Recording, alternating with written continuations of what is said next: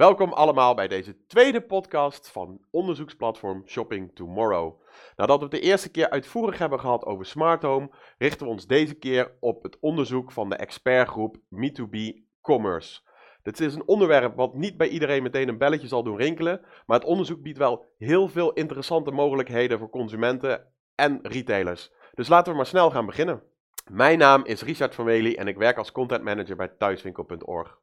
Uh, in deze rol ben ik samen met een collega ook verantwoordelijk voor de redactie van de onderzoeksrapporten van platform Shopping Tomorrow. En het afgelopen jaar zijn 22 groepen daarmee bezig geweest en hun resultaten zijn uh, eind januari uh, tijdens Webwinkelvakdagen gepubliceerd.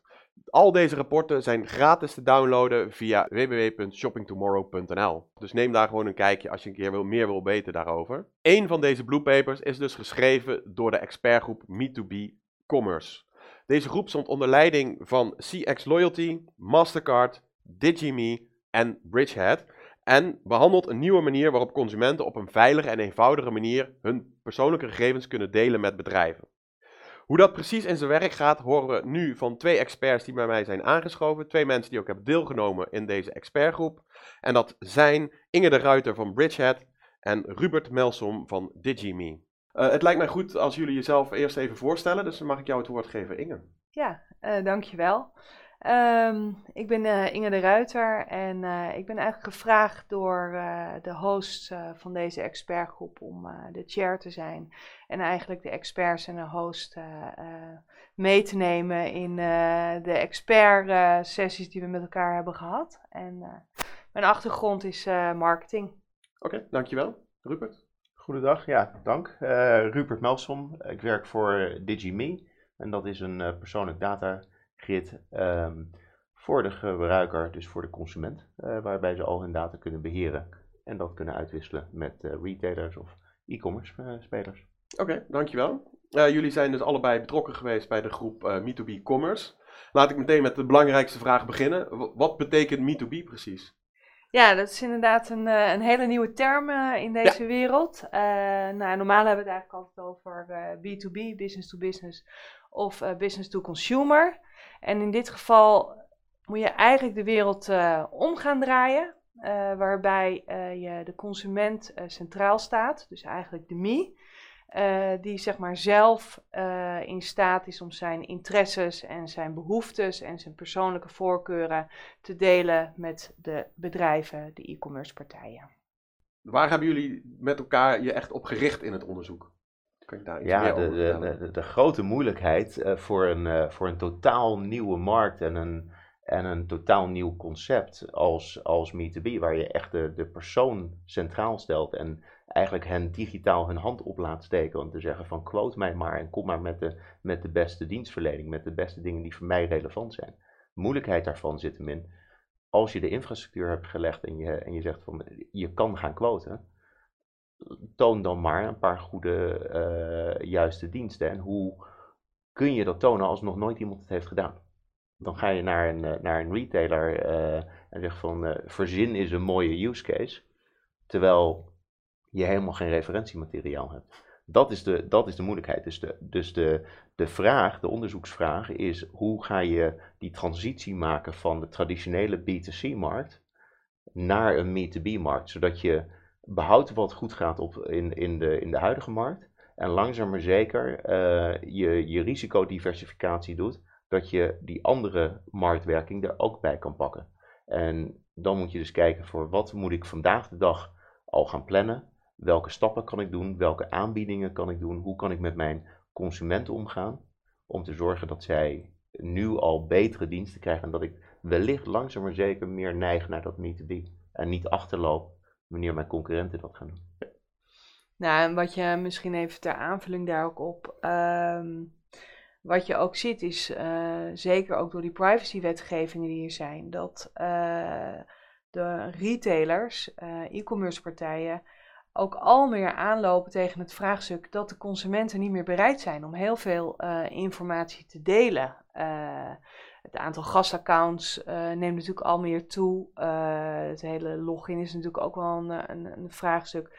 Mensen zijn niet meer bereid om heel veel informatie te geven. Want waarom zou je je geboortedatum afgeven op het moment dat je een blouseje bestelt? Om maar een voorbeeld te noemen.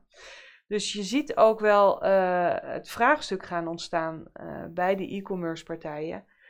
Hoe kan ik mijn klant kennen? Hoe kan ik mijn klant leren kennen in deze wereld waarin het internet ja, toch al moeilijker vertrouwd wordt? de consument al minder bereid is om de data te geven en ik een, een privacywetgeving heb, waarbij ik ook al minder data mag en kan verzamelen. En als ik het verzamel, dan kan en mag ik er niet zoveel mee doen, omdat ik er toestemming voor nodig heb. En het grappige is dat de consument juist wel weer meer persoonlijke diensten uh, verlangt. Ja. Die, absoluut. Dat kwam ook eigenlijk uit het hele uh, GFK-onderzoek wat we met ja. Eh, de expertgroep en Shopping Tomorrow hebben gehad.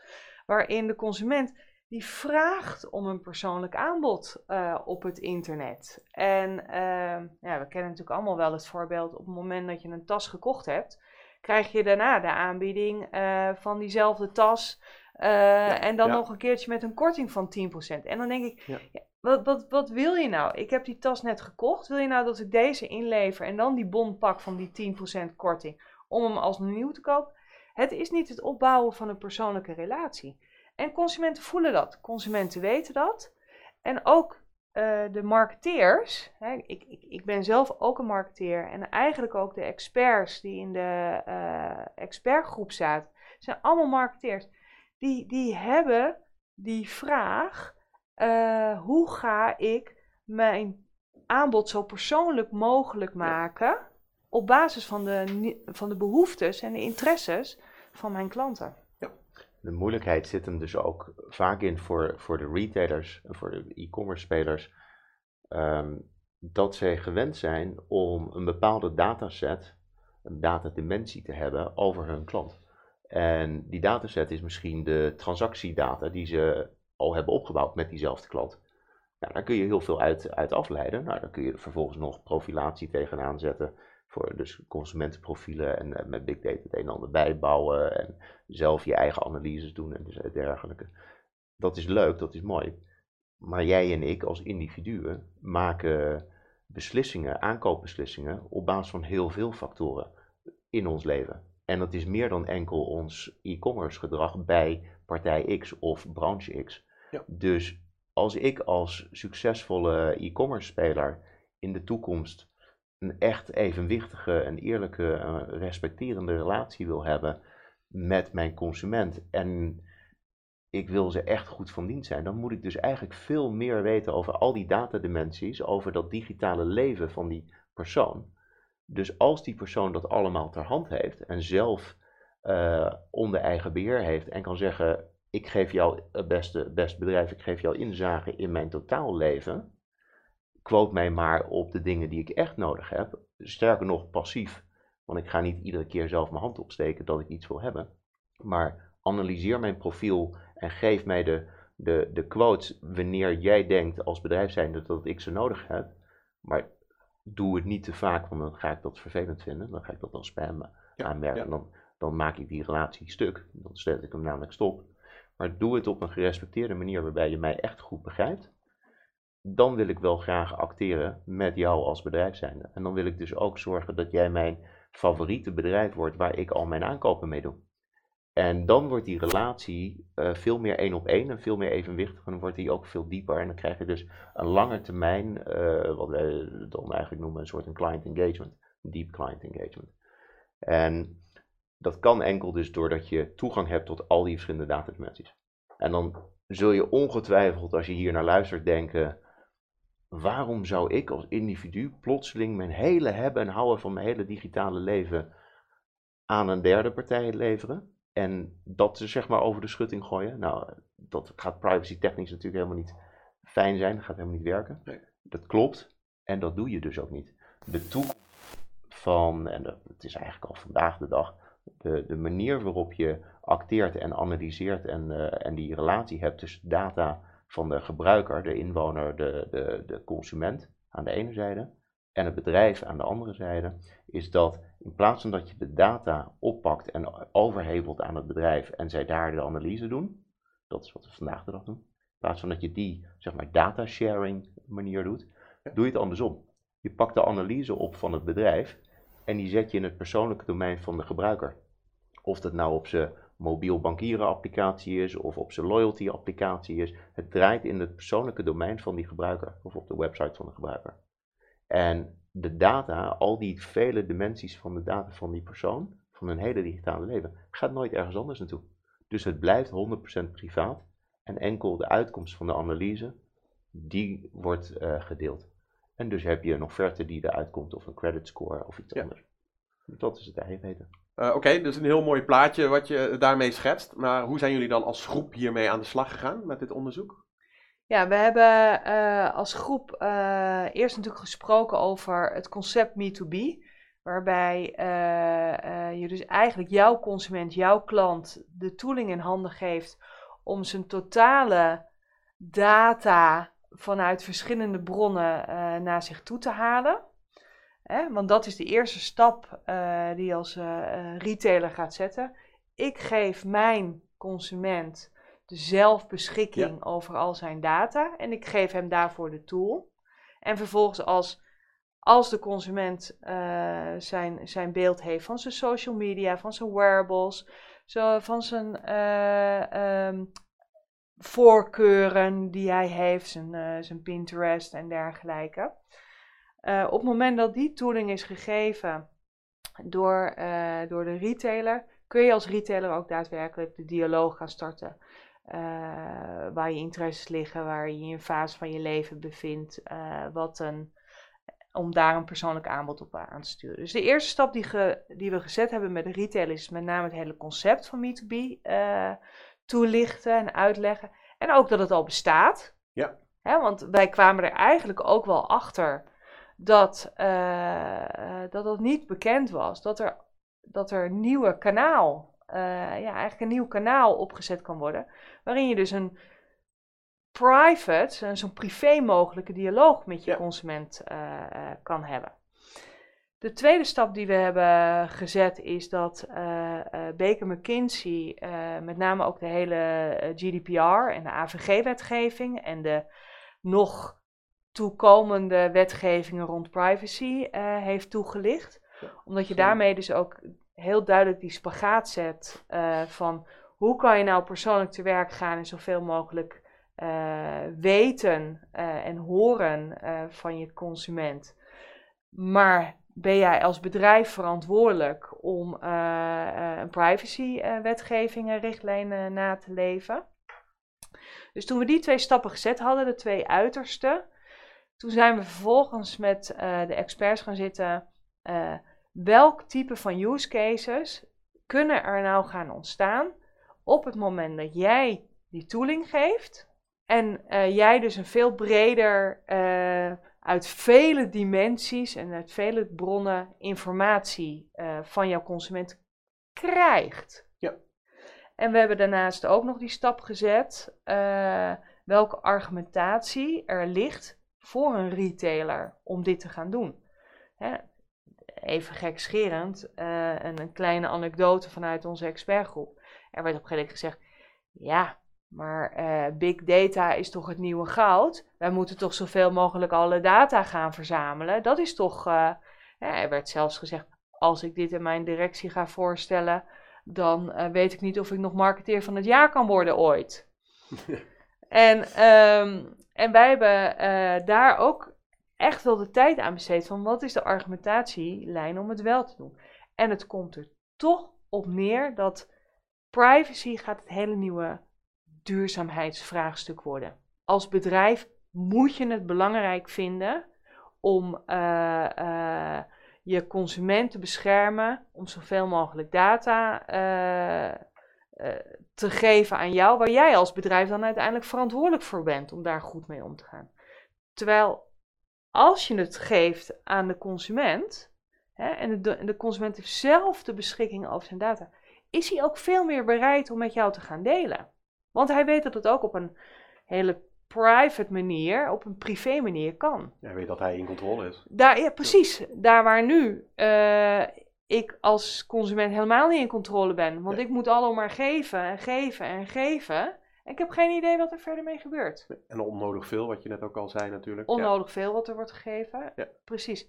Dus toen we die stappen hebben gedaan uh, uh, van de wetgevende kant, van hoe de tooling werkt en uh, wat de argumentatie is voor een, voor een retailer om wel hiermee te gaan experimenteren, zijn we volgens twee uh, use cases uh, gaan uitwerken. Rupert? Jij Ja, twee, twee use cases. Eén was um, uh, Hunkemuller, die heeft hier aan meegewerkt. Die wilde een um, hyper gepersonaliseerd dienstenaanbod kunnen leveren. En dan moet je dus denken dat er voor de klant um, de mogelijkheid is om al hun data ter beschikking te stellen van hun digitaal leven om te zorgen dat ze weliswaar die betere dienstverlening krijgen, maar er gaat veel meer in om. Het is niet alleen krijg ik een kortingsbon of krijg ik een bepaald uh, product dat voor mij uh, echt, echt uh, pasbaar is of, of, toepasselijk is. Het gaat erom dat door de hyperpersonalisatie je die relatie opbouwt met die klant en zodoende heeft dus Hunkemuller aan kunnen geven dat zij door dit concept neer te zetten een veel, gedetailleerde, veel meer gedetailleerde uh, relatie heeft en, en, en engagement heeft eigenlijk met die, met die consument. Er zijn veel meer punten waarop um, de consument in uh, samenspraak komt met de applicatie van Hunkemuller en dus naar een bepaald doel gaat werken. En om je daar een voorbeeld van te geven, je geeft aan uh, als klant zijnde in het begin, wat zijn mijn doelen en mijn interesses? Nou, je klikt er een aantal aan. Vrij simpel, vrij eenvoudig. Maar vervolgens ga je dus ook naar dat doel toewerken. Dus dan ga je dingen doen zoals uh, misschien heb ik, uh, heb ik wellness uh, voor ogen, of misschien heb ik fitness voor ogen, of misschien ehm, ben ik als, als, als, als typische klant van Hunkemuller een dame die misschien een bikini wilt kopen voor de zomer. en die wil gewoon bikini fit zijn en die wil dus daar naartoe werken. Nou, prima. Maar dan weet je dus ook als merk wat, uh, wat de ambities zijn. En doordat je die ambities kent, kun je dus ook veel meer uh, interactie hebben. Nou, dat gebeurt dus op privaatrechtelijke manier of op privé manier. En, en zodoende krijgen dus ook die, dat dienstaanbod. Uh, dat is hyper gepersonaliseerd. Krijgen ze dus veel meer interactie met hun klanten. Um, de tweede use case die we hebben gedaan was met Pathé, de bioscoopgroep. Ja. En daarmee hebben we uh, het een tandje omhoog geschroefd. En gezegd, stel nou dat je dus ten eerste al dat eh, hyperpersonalisatie hebt. Prima, je weet precies waar iemand interesse in heeft. Nou, dan hebben we de, de koppeling uh, aangegeven dat iemand bijvoorbeeld zijn Netflix-account kan, kan koppelen. En je weet dus wat iemand dus qua content van een derde bron krijgt. Nou, in dit geval was het de nieuwe films, de nieuwe James Bond films die, die eruit komen in april. Um, dus iedere keer als je op het station langsloopt, uh, misschien in Utrecht, en je ziet, uh, je ziet een grote stand van, van Pathé, denk, uh, denk hier aan. Want de gebruiker krijgt niet alleen gepersonaliseerd aanbod voor een James Bond film, maar krijgt een hele klantbeleving erbij. Die krijgt dus ook ehm, dat ze bijvoorbeeld een Uber kunnen nemen naar, ehm, naar de bioscoop. Ze krijgen vervolgens een vodka martini geserveerd bij de bioscoop. Vervolgens krijgen ze de Uber die ze weer netjes naar huis neemt. Uh, en om het nog makkelijker te maken, wanneer ze thuiskomen en ze willen eten, dan heeft hun favoriete um, bezorgdienst, uh, in dit geval was het Deliveroo, heeft uh, hun favoriete eten ook tegelijkertijd geleverd, precies op tijd, op maat gemaakt. Ja. Om dan te zorgen dat ze vervolgens de, alle andere oude films, notabene van Pathé thuisbioscoop, kunnen downloaden en dat allemaal als één totaal klantbeleving krijgen. Ja, dat is eigenlijk niets anders dan zeer gepersonaliseerd lead generation dat achter de schermen plaatsvindt voor merk X. In dit geval is merk X is Pathé. Ja. Maar nu kunnen ze dus zoveel andere diensten, totaaldienst leveren voor de, voor de consument. Waarbij de consument dus eigenlijk zelf heeft aangegeven hè, wat ze, uh, uh, waar ze de behoefte aan hebben. Want uh, je weet wat het adres is, Je, uh, want de consument zegt, nou, ik woon hier en hier en de bioscoop is, ik wil graag in Amsterdam naar de bioscoop, maar ik woon in Utrecht, om maar wat te noemen. En, uh, en je geeft dus eigenlijk als consument zelf al aan, ja, ik, ik, ik ben gek op James Bond en ik wil daar een, ik, ik wil mee, ik hou van deze merken, ik hou van deze voorkeuren. En ik wil in zo'n heel warm bad terechtkomen wat Pathé mij zou kunnen bieden. Ja. Dus, Mensen worden langzaam maar zeker uh, gewend aan het gemak van de dienstverlening. Iedereen wil eigenlijk gewoon gemak. En als je continu diensten aangeleverd krijgt die echt gewoon goed passend zijn bij jou, dan ga je ervan uit dat dat normaal is. Nou, die tijd komt. En je kan wel zeggen van, ehm, ik werk misschien veel met, uh, of ik koop dingen misschien veel op bol.com, of ik gebruik Amazon, of ik gebruik Alibaba, of iemand anders. Die partijen hebben heel veel inzicht over wie ik ben, wat ik lees, wat ik doe, van welke sites ik kom, et cetera, et cetera. De grote uh, retailers en e-commerce spelers in Nederland, maar ook daarbuiten, hebben niet meer zozeer dat ze de concurrentie van elkaar zullen voelen. Ze hebben de situatie dat ze de concurrentie zullen voelen van de big techs. En de big techs zijn de spelers die eigenlijk jarenlang ontzettend veel data hebben vergaard over de gebruiker. Daar ontzettend goed analysediensten op kunnen loslaten. En een verdomd goed beeld hebben over wat die persoon drijft tot aankoopgedrag. En het enige dat die big techs als, uh, als, als, een beetje vervelende situatie hebben, is dat ze al die data zelf binnen huis hebben. En dat is niet zo handig, want dat vindt de, dat vindt de, de consument niet zo fijn. Nee.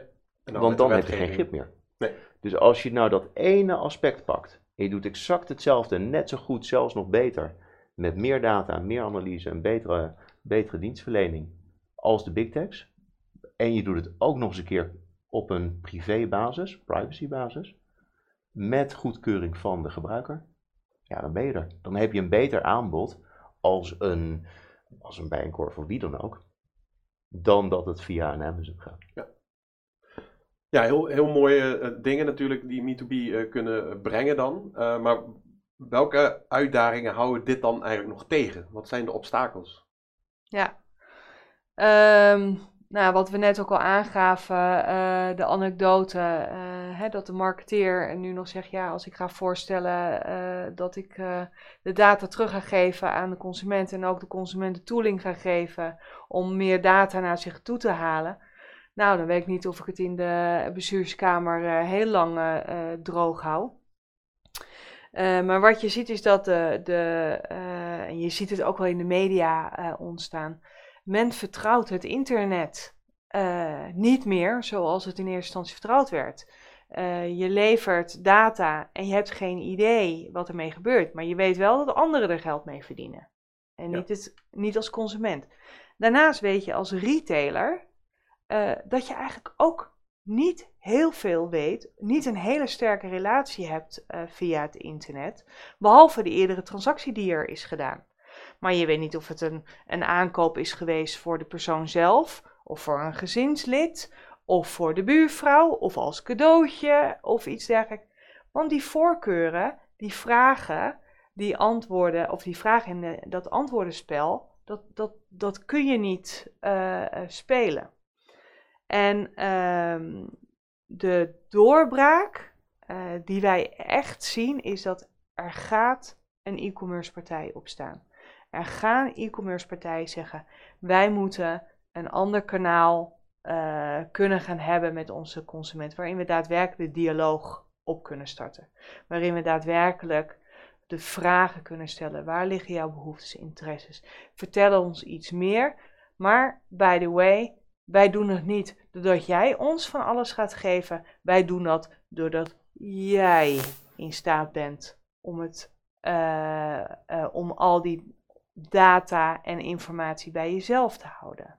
En jij als consument kiest wat je wilt delen. Dan ga je vertrouwen creëren. Vroeger was het toch ook zo, als je naar de, naar de winkel toe ging, uh, buiten dat je een broodje kocht bij de bakker, wist de bakker ook precies wanneer je jarig was met de taart. Want dat werd ook vaak al verteld. Ja. Ja. Mensen zijn bereid, consumenten zijn bereid om heel veel te vertellen. Als er maar een eerlijke en gelijkwaardige relatie is. Als, Dus als je dat dus ook eh, samenpakt met, het, Ja. met het, het delen van dat informatie. Als je dus eigenlijk nadenkt over, over een webomgeving. En je, je hebt je e-commerce omgeving. En iedere oké-knop die je erop zet voor, voor het doen van een transactie. Is eigenlijk ehm, niets anders dan een, een toestemmingenknop. Om te zeggen, je mag hierbij inzicht hebben in mijn, in mijn profiel. Of deze zaken lever ik aan. Ik druk hierbij op oké. maar het is enkel voor deze dienst of deze offerte. En als je dat dus voor iedere keer op die manier zo doet, dan is het niets anders dan dat, dat, eh, dan dat die analyse lokaal plaatsvindt. En het is volledig eh, privé. En het is, het, is een, het is een situatie waarbij de consument dan ook zegt van ik ben bereid om veel meer met jou te delen, omdat ik weet waarom en waarvoor. En ik weet ook dat het, af, dat het ook ophoudt. En met, met eh, zaken zoals bijvoorbeeld het, het, het, het de Digime-infrastructuur, waarbij je dat dus als consument zo kan regelen, daar kun je dus ook al je toestemmingen dus ook weer terugtrekken. Dus je hebt ook echt volledig controle. Je kan dus ook onder de, onder de AVG, de GDPR, kun je je right to erasure kun je uitoefenen. En je right to be forgotten kun je uitoefenen. Dus dat is wel belangrijk. De consument heeft echt controle. Je had het net over, eh, er gaat echt wel een e-commerce partij opstaan om dit eh, te doen. Eh, Ligt er misschien ook een rol voor de overheid hier nog in? Of is dat te Ja. ver?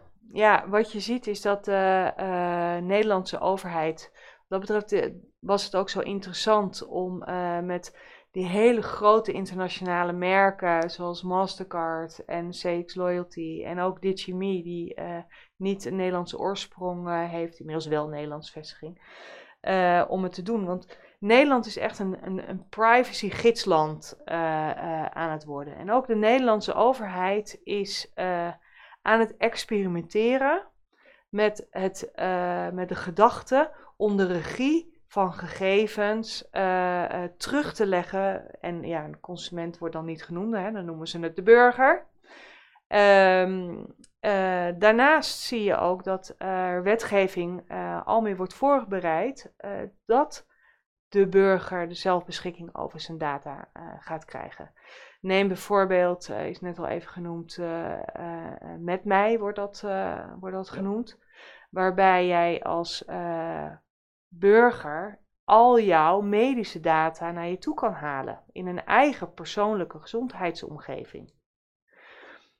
Dat zegt wel iets dat de overheid deze stappen al aan het zetten is. En dat doen ze niet voor niets.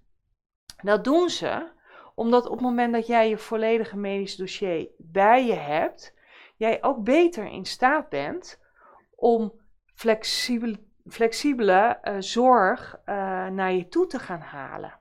Hè? eh, voor de rug kan je het best naar eh, Leiden.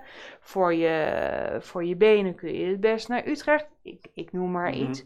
Maar eh, dat is de situatie waar het naartoe gaat. Dat jij die zelfbeschikking gaat krijgen. En de Nederlandse overheid experimenteert hier dus al veel mee.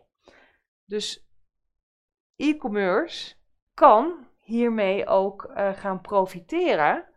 Eh, en weet ook dat dit eh, een beweging is die de komende jaren eh, al meer ja, vorm gaat Ja. krijgen.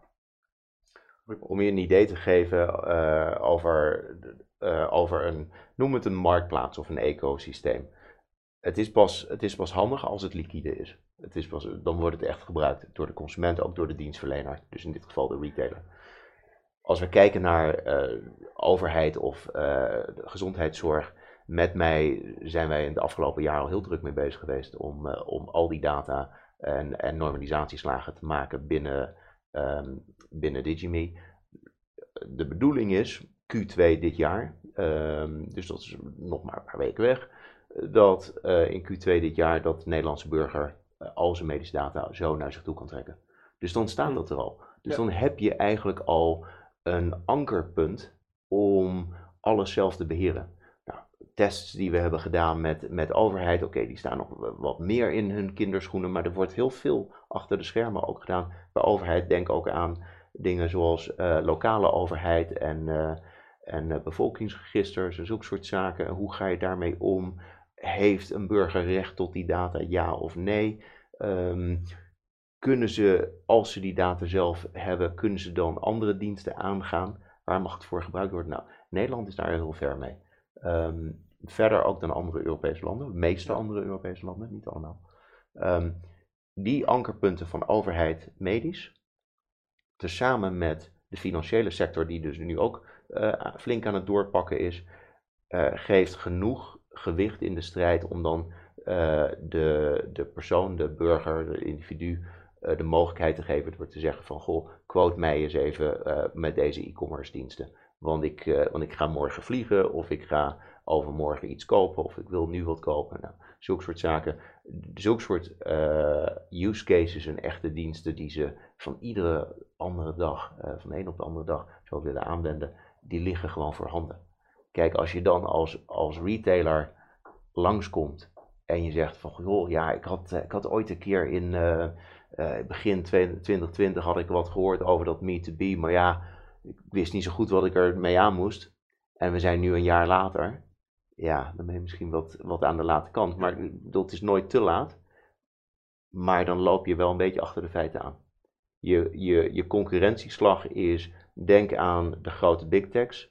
Daar, daar moet je in principe mee concurreren. Het landschap is totaal veranderd. Data is van de burger. Het is bene gratis van de burger onder de AVG. Ja. Het is heel makkelijk voor jou als retailer om te vragen aan jouw klant, want klant is voor jou bij wijze van spreken, vraag aan die klant, goh, mag ik toegang hebben? Er weerhoudt je verder niets. De infrastructuur ligt er, je kan er zo mee, uit de voeten. Wat je ermee doet, welke use case, welke offerte, welke diensten je levert, dat is aan jou. het is jouw werk, jouw dienst. Ehm, er is niets meer dat jou tegenhoudt. En als je dan zegt van, goh, ik weet nog steeds niet helemaal goed hoe ik ermee om moet gaan, uh, klopt dan aan of, of, uh, of download enkele van de tools die je zo gratis kan downloaden uh, bij ons of, of bel ons of wat dan ook. En dan doen we een, een omgeving met een sandbox omgeving waarbij je zo de, de zaken kan testen en, en zo, zo kan ontwikkelen. En dit is ook de tip eigenlijk die je de retailers mee wil geven?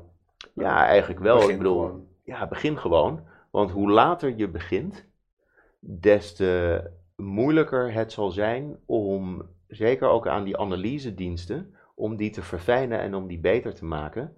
Om te zorgen dat je dan met je, met je concurrentie in zee kan. Dus hoe eerder je begint en hoe meer je leert over de profielen, de veel rijkere, bredere en, en actuelere profielen van de gebruikers, van jouw klantengroep, hoe eerder je daarmee aan de slag gaat, des te, des te meer je kan leren. Nu, nu heb je nog de luxe dat je het misschien niet 100% op orde hebt en dat je nog niet 100% verfijnd hebt.